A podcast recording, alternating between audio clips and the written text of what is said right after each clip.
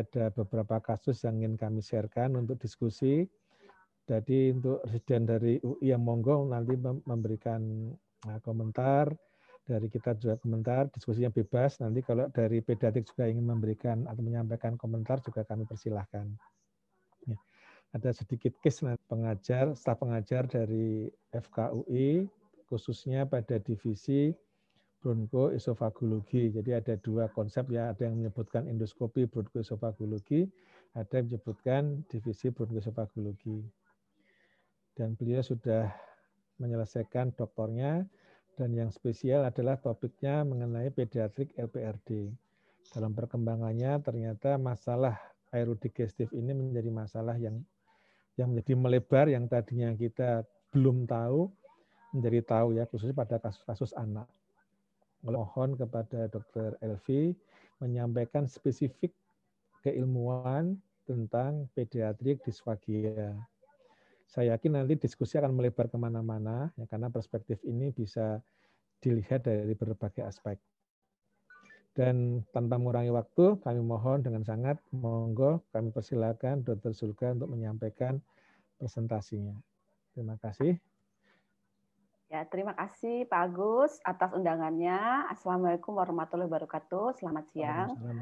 Uh, jadi dalam kesempatan ini uh, saya ingin uh, memberikan berbagi pengalaman tentang pediatrik disfagi yang dilakukan di uh, poliendoskopi bronkoesofagologi di RSCM. Apa sudah kelihatan? Ya, sudah di slide show, dokter. Iya, ntar ya. Oke, slideshow.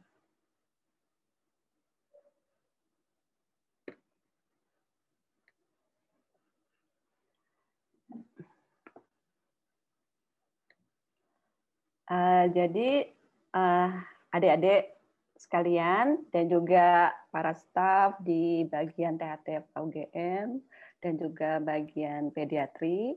Terima kasih atas kesempatan yang diberikan. Jadi sebenarnya pediatrik dispagi ini uh, baru kita geluti kira-kira sekitar 5-7 tahun belakangan yang memang awalnya uh, dari adult juga dari pediatri trik ini belakangan setelah kita benar-benar fokus pada dewasa. Jadi dalam kesempatan ini ada beberapa poin yang akan saya berikan. Yang pertama adalah filosofi eh, filosofinya, katup, kemudian bagaimana perbedaan anak dan dewasa, kemudian bagaimana sih proses menelan itu dan yang penting adalah proses koordinasi antara isap, telan nafas dan pemeriksaannya sendiri yaitu FIS jadi filosofinya adalah bernapas dan uh, makan ada satu proses yang sangat penting. Dari awal breathing ini dicapai begitu anak lahir ya karena ada perbedaan environment dari liquid ya ke uh, udara bebas akan dirangsang untuk bernapas. Itu reflektif. Jadi artinya refleks. Sedangkan menelan, proses menelan itu sendiri itu partly refleksif, partly-nya harus kita pelajari karena memerlukan satu uh, proses yang lain yang disebut dengan uh, koordinasi isap telan napas dan juga perlu satu fungsi yang matur dalam hal ini adalah fungsi uh, gastrointestinal ya kita nggak akan bisa uh, bisa memenuhi kebutuhan nutrisi apabila proses gastrointestinalnya tidak matur ya Kemudian proses ini adalah proses interaksi antara ibu dan anak yang harusnya parent late yang akhirnya menimbulkan bonding. Jadi akan terjadi satu masalah apabila anak ini lahir prematur, masuk NICU, tidak ada bonding dengan parental bonding. Ini akan menimbulkan satu stres pada anak. Karena nantinya sebenarnya feeding ini adalah quality-nya. Ya awalnya bukan volume karena anak itu akan merasa ah ini aku makan ini ada pleasure sendiri karena bonding itu yang lebih pleasure itu lebih uh, dirasakan daripada uh, kepuasan itu sendiri ya jadi uh, atau kenyang ya jadi ini adalah satu filosofi yang harus kita ingat bagaimana satu proses menelan pada anak ini ada satu proses belajar yang berbeda dan itu adalah uh, long learning proses yang tidak boleh ada uh, yang kalau ada hambatan harus segera kita datasi dengan baik. Pediatrik disfagi ini menimbulkan satu masalah banyaknya sebenarnya yaitu misalnya ada gangguan intake menyebabkan gangguan pertumbuhan, menyebabkan gangguan perkembangan, gangguan tumbuh kembang, kemudian gangguan paru. Oleh karena ini adalah satu proses yang uh, berkesinambungan dan juga menimbulkan suatu vicious cycle. Kita harus bekerja bersama-sama dalam menghadapi kelainan menular ini. Ini adalah satu yang kemarin saya sudah tayangkan bahwa sebenarnya katupnya sih sama ya antara anak dewasa. Yang itu pertama adalah bibir, lip seal ya. Katup bibir ini harus dipenuhi pada anak, apalagi anak proses sucking itu harus dengan bibir yang mengatup. Ada gangguan di bibir, cleft palate, cleft lip contohnya. Ini akan mengaruhi ya. Kemudian gangguan tonus misalnya. Yang kedua adalah uh, tang ya. Lihat di sini adalah uh, bayi yang harus memiliki tang yang sesuai. Kalau kegedean, contohnya pada ada sindrom yang benar-benar makroglosia, ini akan memberikan masalah atau Down syndrome ya yang akan memberikan masalah pada eh, daerah oralnya. Juga jangan lupa ada yang namanya tang tai. Tang tai juga pengaruh ya proses sucking contohnya. Yang ketiga adalah gangguan di daerah kusparing, daerah palatum. Ini ada gangguan klepnya, contohnya pada pasien klep palat ini akan terganggu juga dengan velofaring.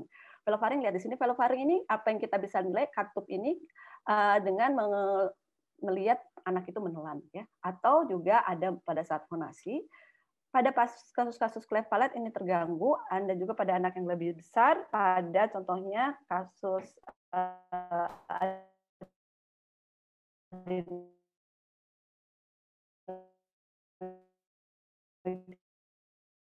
retinoid dan vocal cords. Ini satu kesatuan tiga yang akan berpengaruh pada kontrol breathing. Dan yang terakhir adalah apa yang namanya upper esophageal sphincter. Pada prinsipnya hampir sama pada dewasa, akan tetapi dinamikanya sedikit berbeda. Karena anak itu bukan orang dewasa kecil ya, jadi banyak permasalahannya. Permasalahannya apa saja? Karena memang pada dasarnya ada perbedaan antara anatomi anak dan juga dewasa. Sebenarnya kalau, kalau kita lihat mamalia, mamalia ini uh, bolus makanan benar-benar ada di rongga mulut ya, di belakang lidah dan jalan napas sama jalan uh, kerongkongan ini satu jalan masing-masing yang terpisah secara sempurna. Hal ini berbeda ya dengan kita, dengan uh, manusia. Manusia makanan bisa uh, bolus ditaruh di uh, belakang lidah, tapi ini adalah satu daerah yang sangat riskan karena persimpangan antara jalan napas, jalan makan, dan juga proses fonasi. Pada bayi, ya hal ini sangat jelas, hampir mirip dengan mamalia karena hampir separate antara jalan napas dan jalan makan. Ini yang disebut dengan uh, obligate nasal breather, yaitu jadi karena adanya uh, palatal interlocking. Di sini palatumnya panjang dengan hampir menyentuh epiglottis sehingga benar-benar separate ya. Jadi posisinya larinya ini lebih uh, lebih tinggi dibandingkan dengan orang dewasa. Yang kedua adalah contohnya adalah uh, palatumnya. Palatumnya flat yang akan membantu proses sucking dan juga compressing dari milk. Yang ketiga adalah uh, panjangnya. Panjangnya ini sangat sangat pendek, jadi sangat pendek ya panjangnya, lengthnya ya, karena memang dibuat untuk memprotek airway ya dari makanan. Beda dengan orang dewasa yang semakin nanti semakin besar akan terdapat perpanjangan atau laringealnya akan mengalami descent ke bawah sehingga akan ada satu proses yang disebut elevasi laring yang dominan pada saat proses menelan. Nah, ini sebenarnya untuk apa dipanjangkan ini karena membantu proses fonasi. Jadi pada awalnya bayi uh, bubbling, kemudian nanti akan fonasi itu akan sesuai dengan uh, pharyngeal descent. Dan satu lagi yang perlu diingat adalah lidah. Lihat pada anak-anak uh, infant ini bayi ini uh, lidahnya hampir memenuhi seluruh rongga mulut. Sedangkan pada dewasa dua per tiga ini letak perbedaan di antara keduanya. Yang tentunya sesuai dengan perkembangan uh, bayi akan mengalami perubahan di lidahnya, ya lidahnya akan menjadi semakin ke belakang sehingga tidak mengisi seluruh rongga mulut float, kemudian terdapat laryngeal descent yang ini akan menyesuaikan dengan satu kemampuan bayi untuk berfonasi dan kemudian kemampuan untuk memanipulasi bolus makanan yang disesuaikan dengan usianya. Jadi perubahannya apa aja? Ya ada gigi, ya jadi oral cavity akan semakin besar, laryngeal descent, panjangnya vari akan bertambah. Kemudian lidah ya, itu penting sekali kita ingat. Posterior one third of the tongue masuk merupakan bagian dari povaring yang disebut dengan base of tongue.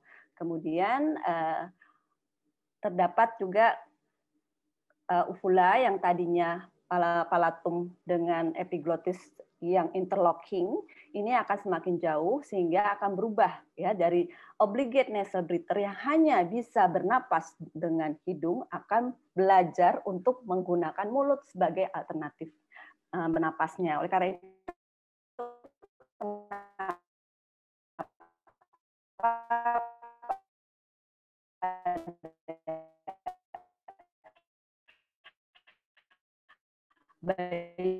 kayak kalau sedikit. Nah ini video yang saya suka banget, mungkin udah bosen juga.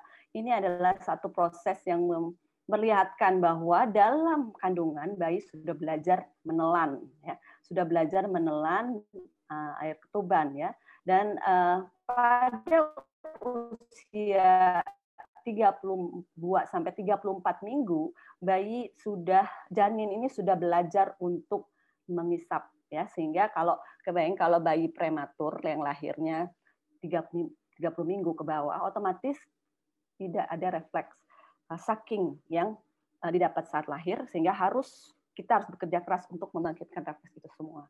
Dan apa saja sih sebenarnya masalah kita pada bayi-bayi dengan tulisan ini bisa di uh, dapkan begitu bayi lahir, jadi preterm baby.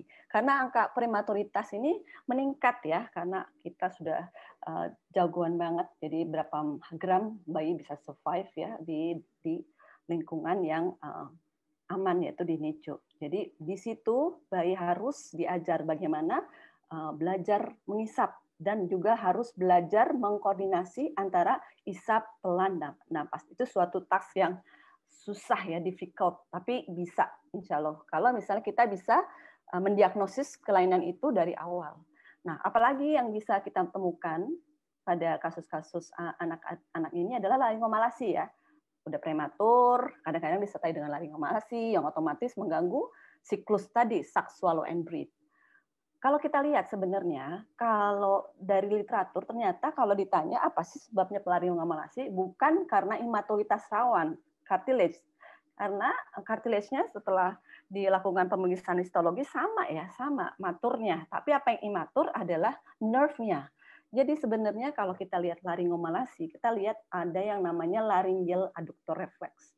Laringan dokter adductor reflex yang baik itu berjalan dari laring, kemudian aferennya ke ganglion nodosa, nucleus tactus salivatorius, nucleus ambigus ini satu yang namanya DCP, di central pattern generator ini akan menjaga laryngeal tone, menjaga glossy closure yang baik untuk mencegah aspirasi dan juga mengatur uh, proses menelan dan juga respirasi.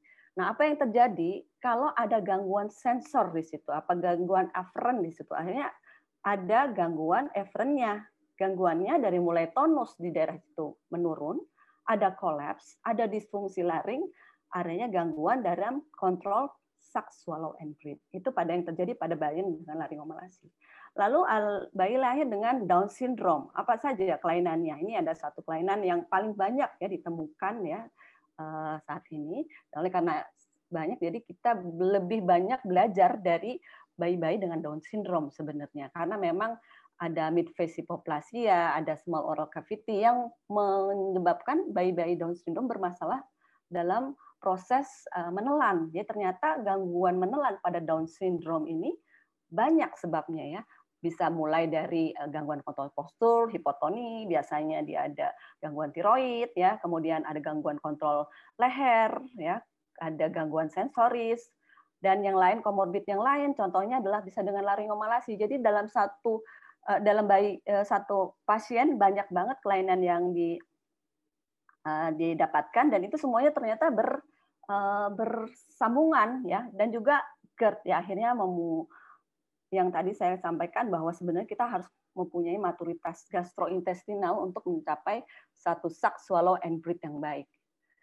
Uh, hal lain yang ditemukan pada bayi-bayi adalah tentu saja cleft lip and palate. Karena ini uh, langsung kita bisa atasi dari maksudnya kita bisa diagnosis dan bisa kita lakukan intervensi dari mulai dari awal seawal mungkin. Karena kita mempunyai ada yang namanya craniofacial cleft center. Di situ kita sudah bekerja sama dengan baik dengan dokter plastik dan ortodontis dan lain-lain. Eh, ini dilakukan pemeriksaan secara menyeluruh dengan rinolaryngoscopy fleksibel. Kita lihat apa saja sih biasanya dari mulai eh, kita lihat dari mulai oral cavity. Kita lihat adanya cleft palate, kemudian cleft lip, apa complete lateral, kemudian kita lihat tang tai biasanya. Bisa disertai dengan tang tai, kemudian bisa disertai dengan lip tai, dan sering kali disertai dengan laryngomalacia. Ini sangat pengaruh, berpengaruh karena begitu ada cleft lip bilateral, dokter daplaksik atau dokter orto akan um, mengeresepkan apa yang namanya nasoalveolar molding yang digunakan untuk memaksimalkan hasil operasi labioplasti, tapi biasanya mereka akan tanya, ini gimana sih jalan napasnya? Aman apa enggak? Kebayang kalau misalnya molding ini masuk ke dalam mulutnya dan kemudian ada gangguan uh, breathing di situ, contohnya ada naringomalacia di situ. Otomatis akan membuat uh, proses uh, swallow and breathe-nya terganggu. Dan juga jangan lupa ada botol khusus yang diberikan untuk mencegah proses uh, aspirasi atau nasal regurgitation pada bayi-bayi dengan cleft lip dan palate. Uh, apabila beranjak dewasa, apa yang terjadi? Ya bisa pada pasien-pasien meningitis, encephalitis adalah cerebral palsy. Ya, biasanya habis sesudah operasi bisa terjadi pasien CP. Nah, ini sedikit um, very challenging ya karena biasanya keadaan ini sudah lama dan juga memerlukan intervensi ya yang lebih yang lebih invasif biasanya ya. Dan juga yang terakhir ini eh, banyak ditemukan adalah mm, yang kita sebut dengan facies adenoid ya Pak karena ada hipertrofi tonsil, hipertrofi adenoid yang menyebabkan gangguan dari kraniofasial, otomatis ini akan terdapat gangguan melan. Biasanya kita menemukan adanya suatu disfagia mekanik di situ. Dan juga trauma. Anak-anak dengan trauma, trauma choking ya, trauma uh, saat makan terus muntah ya dengan atau enggak segala macam jenis trauma yang menyebabkan anak itu tidak mau makan. Akhirnya apa? Anak udah tahu nih, ini anak ini sangat belajar ya bahwa dari kecil dia ada trauma untuk makan, akhirnya memakai NGT dan bisa memanipulasi NGT atau bagaimana. Jadi kalau misalnya diminta untuk makan dia cuma nunjuk NGT. Jadi sudah begitu comfortable ke sekolah dengan NGT.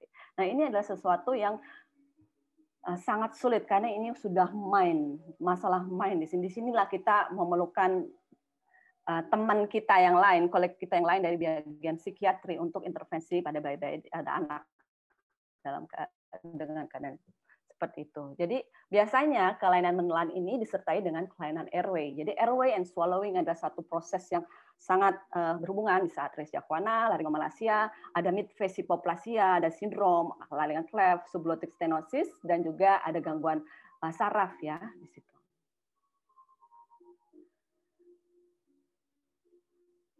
Jadi proses menelan ini sendiri ya fungsinya kita harus bisa memprotek airway. Kalau airway protection tidak baik, akan terjadi aspirasi pneumonia. Jadi biasanya bayi-bayi akan keluar masuk nicu atau picu karena pneumonia aspirasi. Itu kita udah lihat, oh ya, bagaimana keadaan airway-nya di situ. Uh, apakah proses menelannya uh, nggak baik di situ.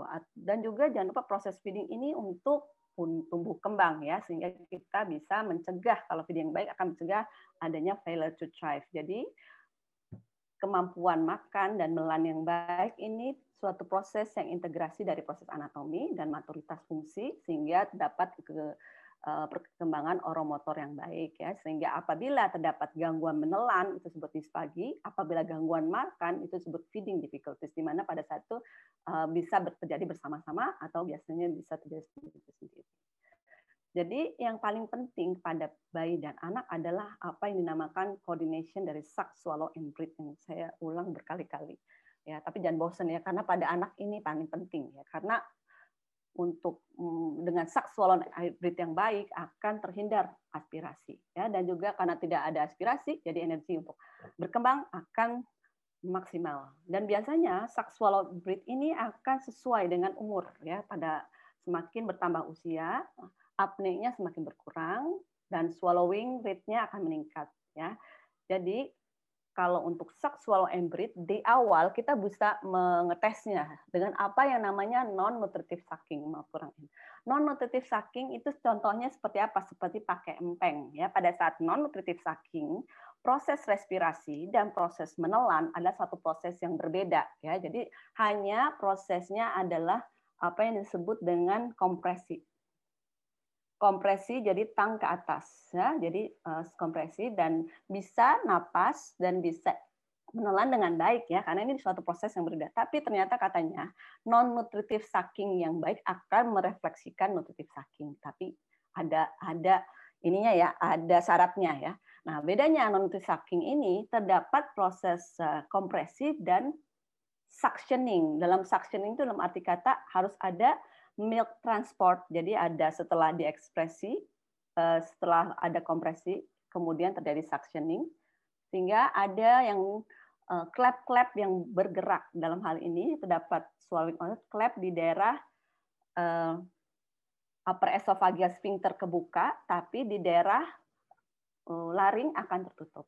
Dan ini terjadi in sequence, habis suck, swallow, and breathe. Suck, swallow, and breathe. Jadi ini suatu koordinasi yang sangat baik, yang uh, memerlukan fungsi respirasi yang baik, fungsi kardio yang baik, dan juga fungsi tentu saja fungsi uh, pencernaan yang baik. Ya, suck, swallow, and breathe baik, tapi bayinya muntah sama mencret ya sama aja ya. Jadi harus uh, terintegrasi ya. Jadi biasanya anak ini akan bernapas dengan rate 40 sampai 60 kali per menit dengan satu setengah tuh satu setengah sampai satu kali per detiknya. Dan ini harus berjalan dengan aman. Nah, jadi ingat lagi bahwa sebenarnya kalau non-nutritive sucking, baik sucking, swallowing, respiration, sama esophageal motility ini separate ya sendiri-sendiri ya tapi bagus buat latihan sebenarnya. Tapi kalau not kalau nutritive sucking, sucking yang baik akan menyebabkan koordinasi swallowing, uh, sucking yang baik dan juga swallowing yang baik dan respirasi yang baik akan suatu menjadikan satu proses yang berkesinambungan yang akhirnya akan membawakan mentransferkan bolus ke daerah esofagus yang fungsinya juga normal. Ini adalah satu komponen dari nutritif sucking yang baik. Jadi apa sih uh, yang disebut baik, suck, swallow, and breathe yang baik? Kalau tidak ada tanda-tanda aspirasi, tidak ada desat, tidak apnea, tidak ada bradikati dengan rasionya satu sak, satu swallow, satu breath atau dua sak, dua swallow, satu satu breath. Ini rasio yang baik yang dicapai pada bayi-bayi normal. Tapi bagaimana sih sebenarnya untuk mencapai sak, swallow, and breath yang baik? Kita kita ingat bahwa sebenarnya harus nomor satu adalah physiological stability. Jadi secara secara fisiologis respirasi kardionya itu udah bagus ya. Kalau misalnya ada gangguan respirasi, ada gangguan kardio, nah dari landasan fondasinya aja udah nggak bagus, otomatis pasti ada gangguan motor organization dalam hal ini bagaimana sih kontrol posturnya, bagaimana sih nerve-nya di situ, bagaimana tonus otot bukalnya, bagaimana pipinya, apakah dia bisa menciptakan tekanan intraoral yang baik. Akhirnya kalau ini tidak tercapai, ada gangguan behavior ya. Anak itu um, jadi rewel atau sebagaimana ya. Jadinya tidak bisa energinya habis untuk misalnya uh, marah ya karena memang proses uh, makannya tidak benar ya. Akhirnya baliknya adalah anak tidak bisa memberikan respon atau memberikan um, keluaran apakah senang atau happy atau misalnya marah karena keluarnya sama anaknya rewel gitu. Nah ini adalah satu teori ALS yang harus kita lihat pada saat pemeriksaan apa sih kardio kardiorespirasinya ini bagus nggak sih? Kalau misalnya udah ada gangguan, oh jadi bisa bisa kita bisa expect ya. Jadi level keduanya juga mungkin tidak akan tercapai ya. Jadi kalau misalnya uh, suck, swallow, and breathe ini adalah satu proses. Jadi ini adalah satu proses terintegrasi antara central nervous system dan juga perifer. Dan ternyata katanya kalau misalnya suck itu beda ya antara sucking dengan breast dengan breastfeed dan juga dengan bottle feeding karena untuk sucking perlu ada yang karena di bottle di breastfeed itu perlu ada yang namanya kompresi dan suction ya kompresi ya, kemudian suctionin ya. Tapi kalau bottle itu ekspresi jadi cukup dengan kompresi karena nanti uh, akan mengalir, jadi tidak perlu sucking. Jadi ini adalah satu Eh, hal yang harus kita ingat pada saat meriksa bayi. Jadi dengan ini kita harapkan ini pertumbuhannya bagaimana ya? Apa sesuai umurnya atau udah bisa ngangkat kepala belum? Umur lima bulan belum bisa ngangkat kepala misalnya. Oke, jadi pasti nanti ada gangguan. Gangguan misalnya dalam hal uh, napas ya. Biasanya napasnya bunyinya grok-grok gitu ya. Bukan karena laringomalasi, tapi memang tonusnya lehernya tidak terjaga dengan baik sehingga terdapat kolaps daerah saluran napas atas. Jadi untuk mendapatkan sak swallow and breathe yang baik itu perlu satu adalah sak karena postural control ya, kasak yang baik, posturnya bagus, kemudian swallow-nya harus ada ritmenya, swallow, sak swallow, kemudian feeding position harus bisa uh, duduk dengan baik ya, kemudian atau enggak posisi di mana anak bisa uh, um, sak swallow dengan aman. Nanti ini ada pengaruh dokter rehab medik ya untuk positioning ini, kemudian bernapas dan juga craniocervical position. Jadi ini kalau misalnya liquid ya kita lihat kalau liquid uh, ya bahwa sebenarnya ini adalah satu proses yang lebih cepat ya ngalirnya apabila dibandingkan dengan uh, proses uh, solid food ya. Di sini lihat tang elevation, flop tutup, larinya elevation dan bolus bisa tersampaikan uh, dengan aman ke daerah uh, esophagus. Dan uh, fase menelan pada anak kecil, anak bayi, infant dan juga uh, bayi-bayi uh, yang infant jadi bayi-bayi yang usia 1, 2, 3, 4 bulan ini berbeda dengan anak yang lebih besar. Karena pada saat itu, pada bayi-bayi yang mm, masih kecil, di 1, 4 bulan, ini proses oral preparation dan oral transit ini masih reflektif, masih refleks. Ya, Kalau pada orang dewasa, fase oral bilang fasenya fase yang bisa kita atur. Ya. Eh, volunter. Kemudian fase faring, esofageal, involunter. Tapi pada bayi, fase oral adalah fase yang refleks. Refleks di situ masih berperan sampai sampai usia 4 sampai 5 bulan. Oke. Jadi apabila ada gangguan apa yang terjadi? Ya biasanya kita lihat kalau menelannya lebih lama ya. Kalau ada kita bisa uh, menempatkan breast atau enggak botol dengan benar sehingga terdapat uh, bocor ya biasanya ya.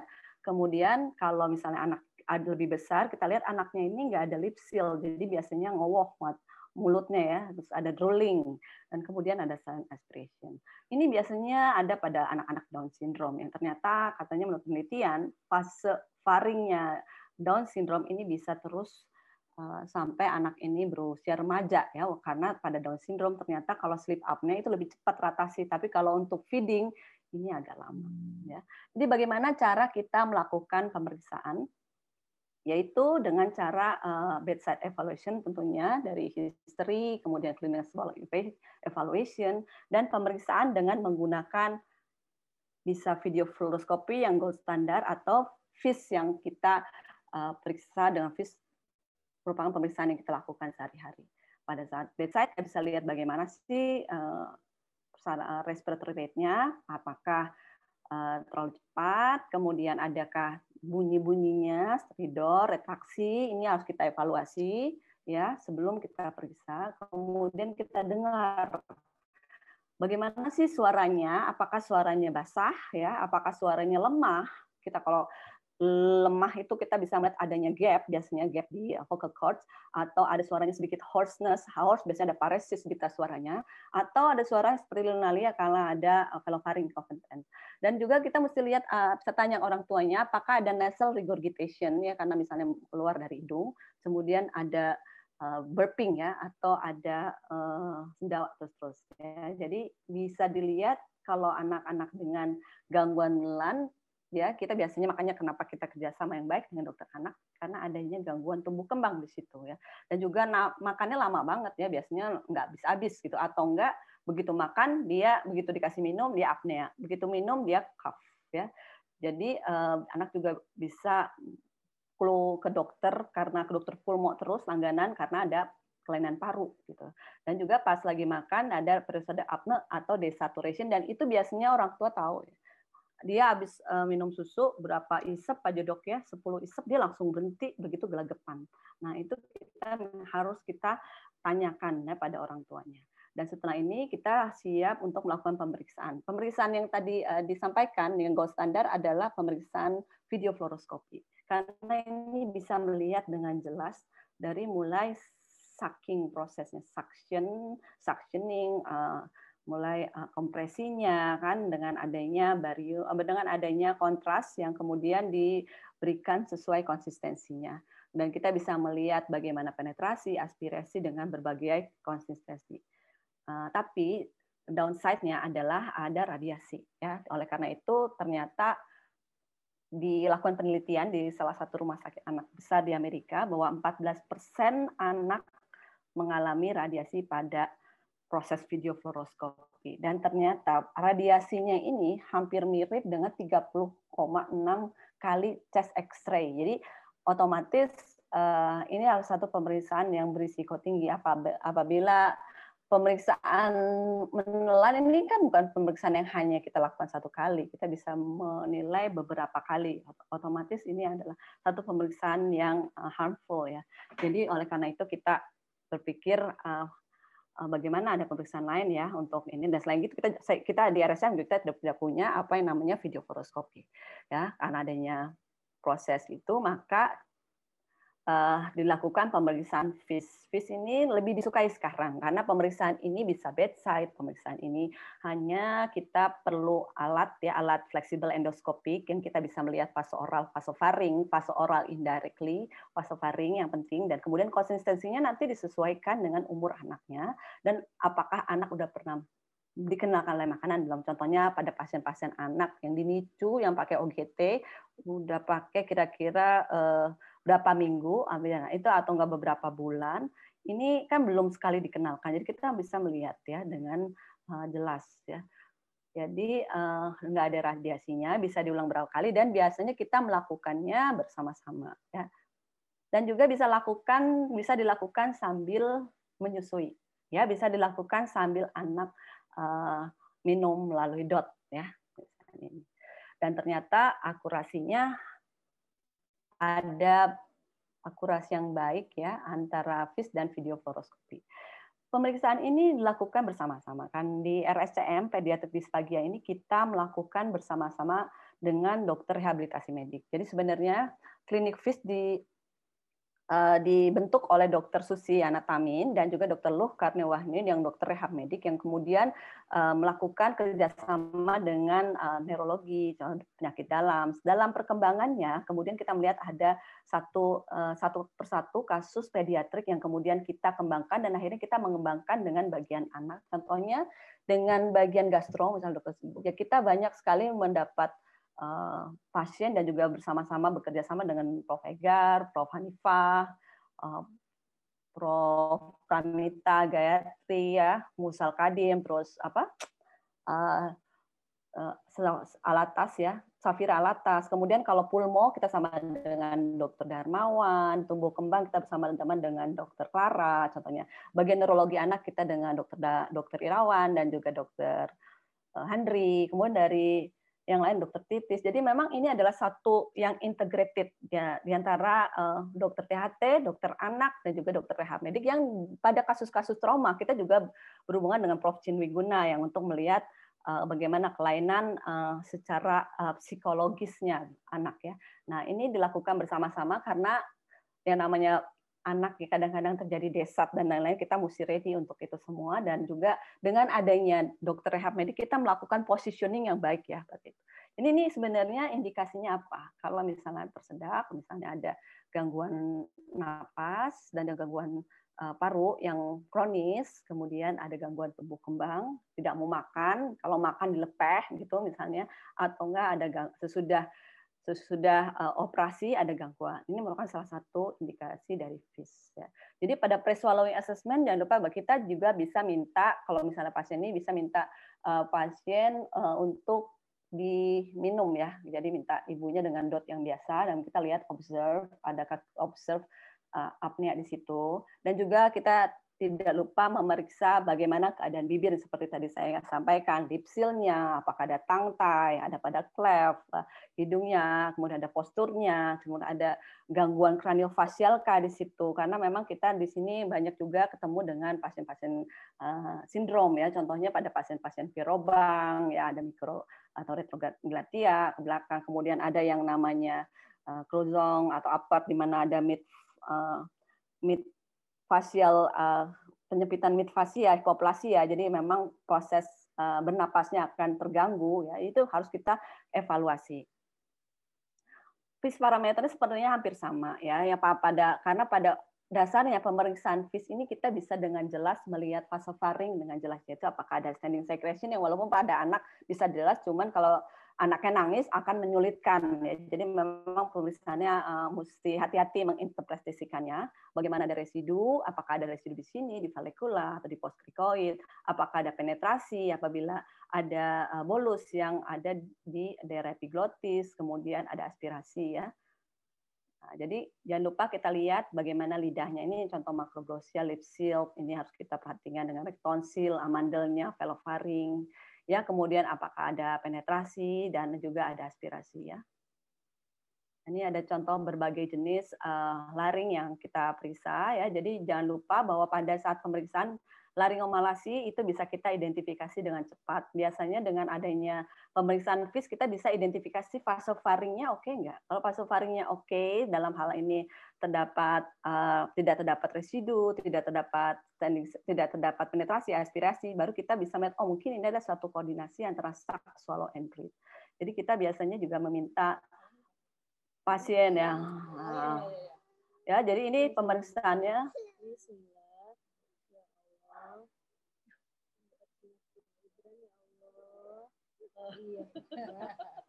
ya. Jadi dilakukan bisa bersama-sama eh, dengan dokter medik. Kita lihat eh, komposisi apa yang biasanya pasien bisa minum dengan aman. Ya, jadi eh, dilakukan dan apabila tidak bisa ya terpaksa memang harus pakai OGT atau pakai NGT. Itu memang suatu jalan yang harus ditempuh karena oral feeding tidak aman, berarti ada risiko aspirasi. Dan sesudah itu kita melakukan suatu intervensi, yaitu adalah ganggu postural control yang seperti saya sampaikan bahwa kontrol postural bukan satu hal yang penting dalam uh, uh, tadi itu adalah di level kedua karena kalau postur kontrol postur nggak bagus otomatis nggak bisa naik lagi ke level yang selanjutnya sehingga kita melakukan sorry pemeriksaan nah ini ya Ya, jadi dalam hal ini juga ada proses edukasi terhadap orang tua pasien sehingga eh, pasien bisa dilakukan intervensi terus secara rutin di rumah sehingga akan memperbaiki eh, tonus posturnya ini ya tonus postur seperti ini kontrol leher yang kuat dan terang yang kuat akan membantu proses menelan. Ya. Nah ini uh, satu hal yang harus dilakukan bersama-sama. Jadi ini adalah satu contoh Ya, ini agak ya sekitar 7 menit nih videonya ya. Jadi pada anak-anak dengan hipotiroid kongenital, global development delay dengan laringomalasi tipe 3, ada riwayat pneumonia ya. Ya, kita bisa melakukan timnya biasanya uh, sama dokter Fauzia ya, dokter bagian laring-laring. Kita melakukan tindakan bersama-sama. Karena COVID jadi baju seperti itu. Eh, jangan lupa kita lakukan evaluasi terus uh, keadaan saturasi. Sebelum pemeriksaan kita lihat apakah ada stridor ya, retraksinya ya. Kita lihat ini berarti dari sini kelihatan bahwa sistem uh, respirasi anak ini kurang baik ya. Anak ini sudah terpasang NGT. Nah, jadi biasanya uh, pada kasus-kasus ini apabila diberikan feeding akan terjadi desaturasi. Proses evaluasi FIS itu mesti dilakukan dengan baik ya dan juga uh, anak biasanya dibedong. Untuk membedong nggak sama ya bedongannya nggak sama seperti bedong bayi baru lahir ini harus bisa memfiksir eh, hal-hal uh, yang akan diperbaiki nanti. Oleh karena ada teknik pembedongan khusus, oleh karena itu kita biasanya uh, saya bilang oke okay, tolong dong bedongin gitu. Kalau residen presiden saya yang baru punya bayi biasanya selalu merekamnya karena ternyata teknik bedong ini akan banyak sekali faedahnya pada uh, kemampuan uh, postur anak ya. Uh, Apakah jalan dok videonya dok? Jalan jalan. Tapi yang dua slide, yang slide yang uh, dua slide terakhir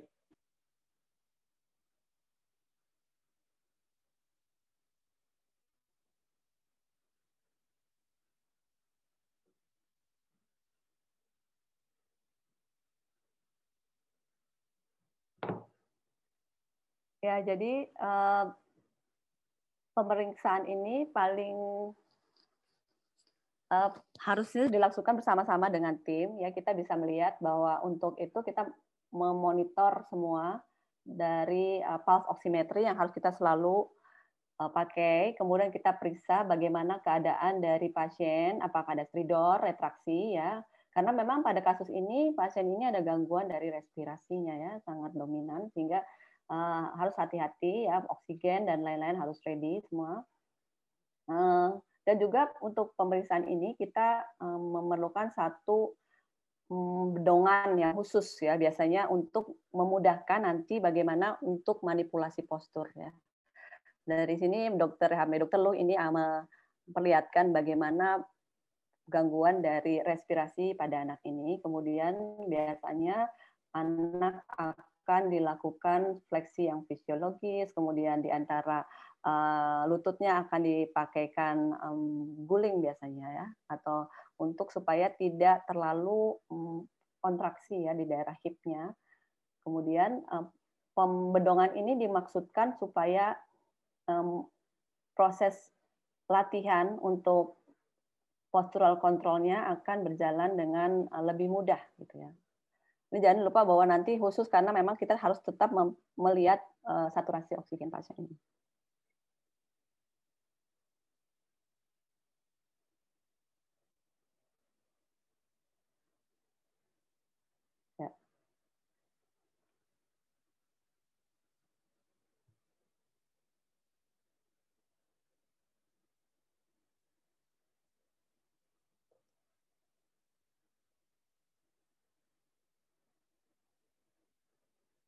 Pemeriksaan biasanya dilakukan di uh, jadi dokter rehab medik sendiri yang akan uh, menangani pasien ini. Jadi orang tua bisa melihat pasien. Uh, kita lakukan pemeriksaan rhinolaryngoscopy fleksibel. Kita lihat bagaimana keadaan dari uh, jalan napasnya, hidungnya. Kemudian kita lihat bagaimana keadaan di daerah laring. Ya. Pada pasien ini ternyata memang terdapat uh, laringomalacia ya. Laringomalasianya sudah membaik ya. Jadi ada perbaikan, tapi bisa dilihat di sini ada uh, masih ada standing secretion di situ walaupun minimal ya pada pada proses pre-swallowing assessment di situ. Pasien ini berusia 2 tahun ya, jadi uh, bisa dilakukan pemeriksaan dengan konsistensi yang tidak hanya susu tapi apabila lihat dari kondisi pasien ini lebih aman kita melakukan konsistensi cair karena gampang kita hmm, keluarkan apabila terjadi penetrasi ya dengan suction yang harus eh, selalu tersedia ya di situ.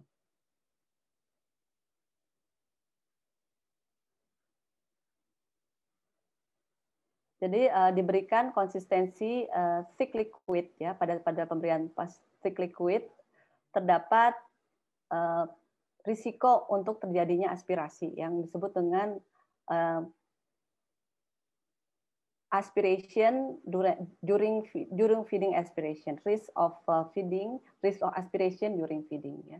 Ini adalah satu risiko yang harus kita hindari karena uh, oleh karena itu walaupun memang bisa hilang dengan menelan yang berulang, tapi karena Eh, sistem respirasinya kurang baik, akhirnya kita memutuskan bahwa sebenarnya ini tidak aman untuk dicoba feeding per oral ya. Jadi tetap dipertahankan hmm, apa feeding melalui NGT.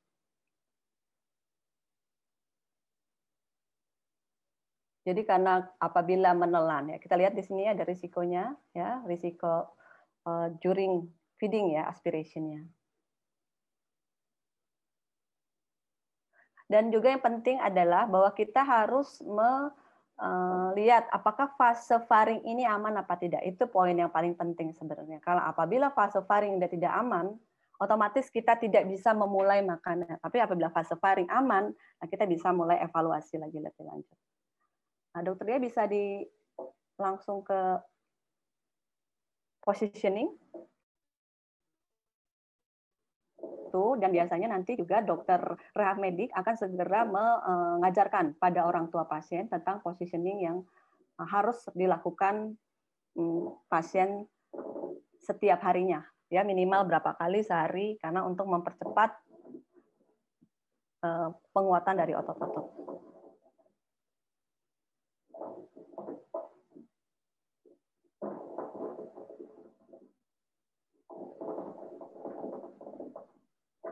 Ya, ini ada desaturasi ya. Jadi memang paling penting sekali kita uh, melakukan monitoring pada saat pemeriksaan PIS.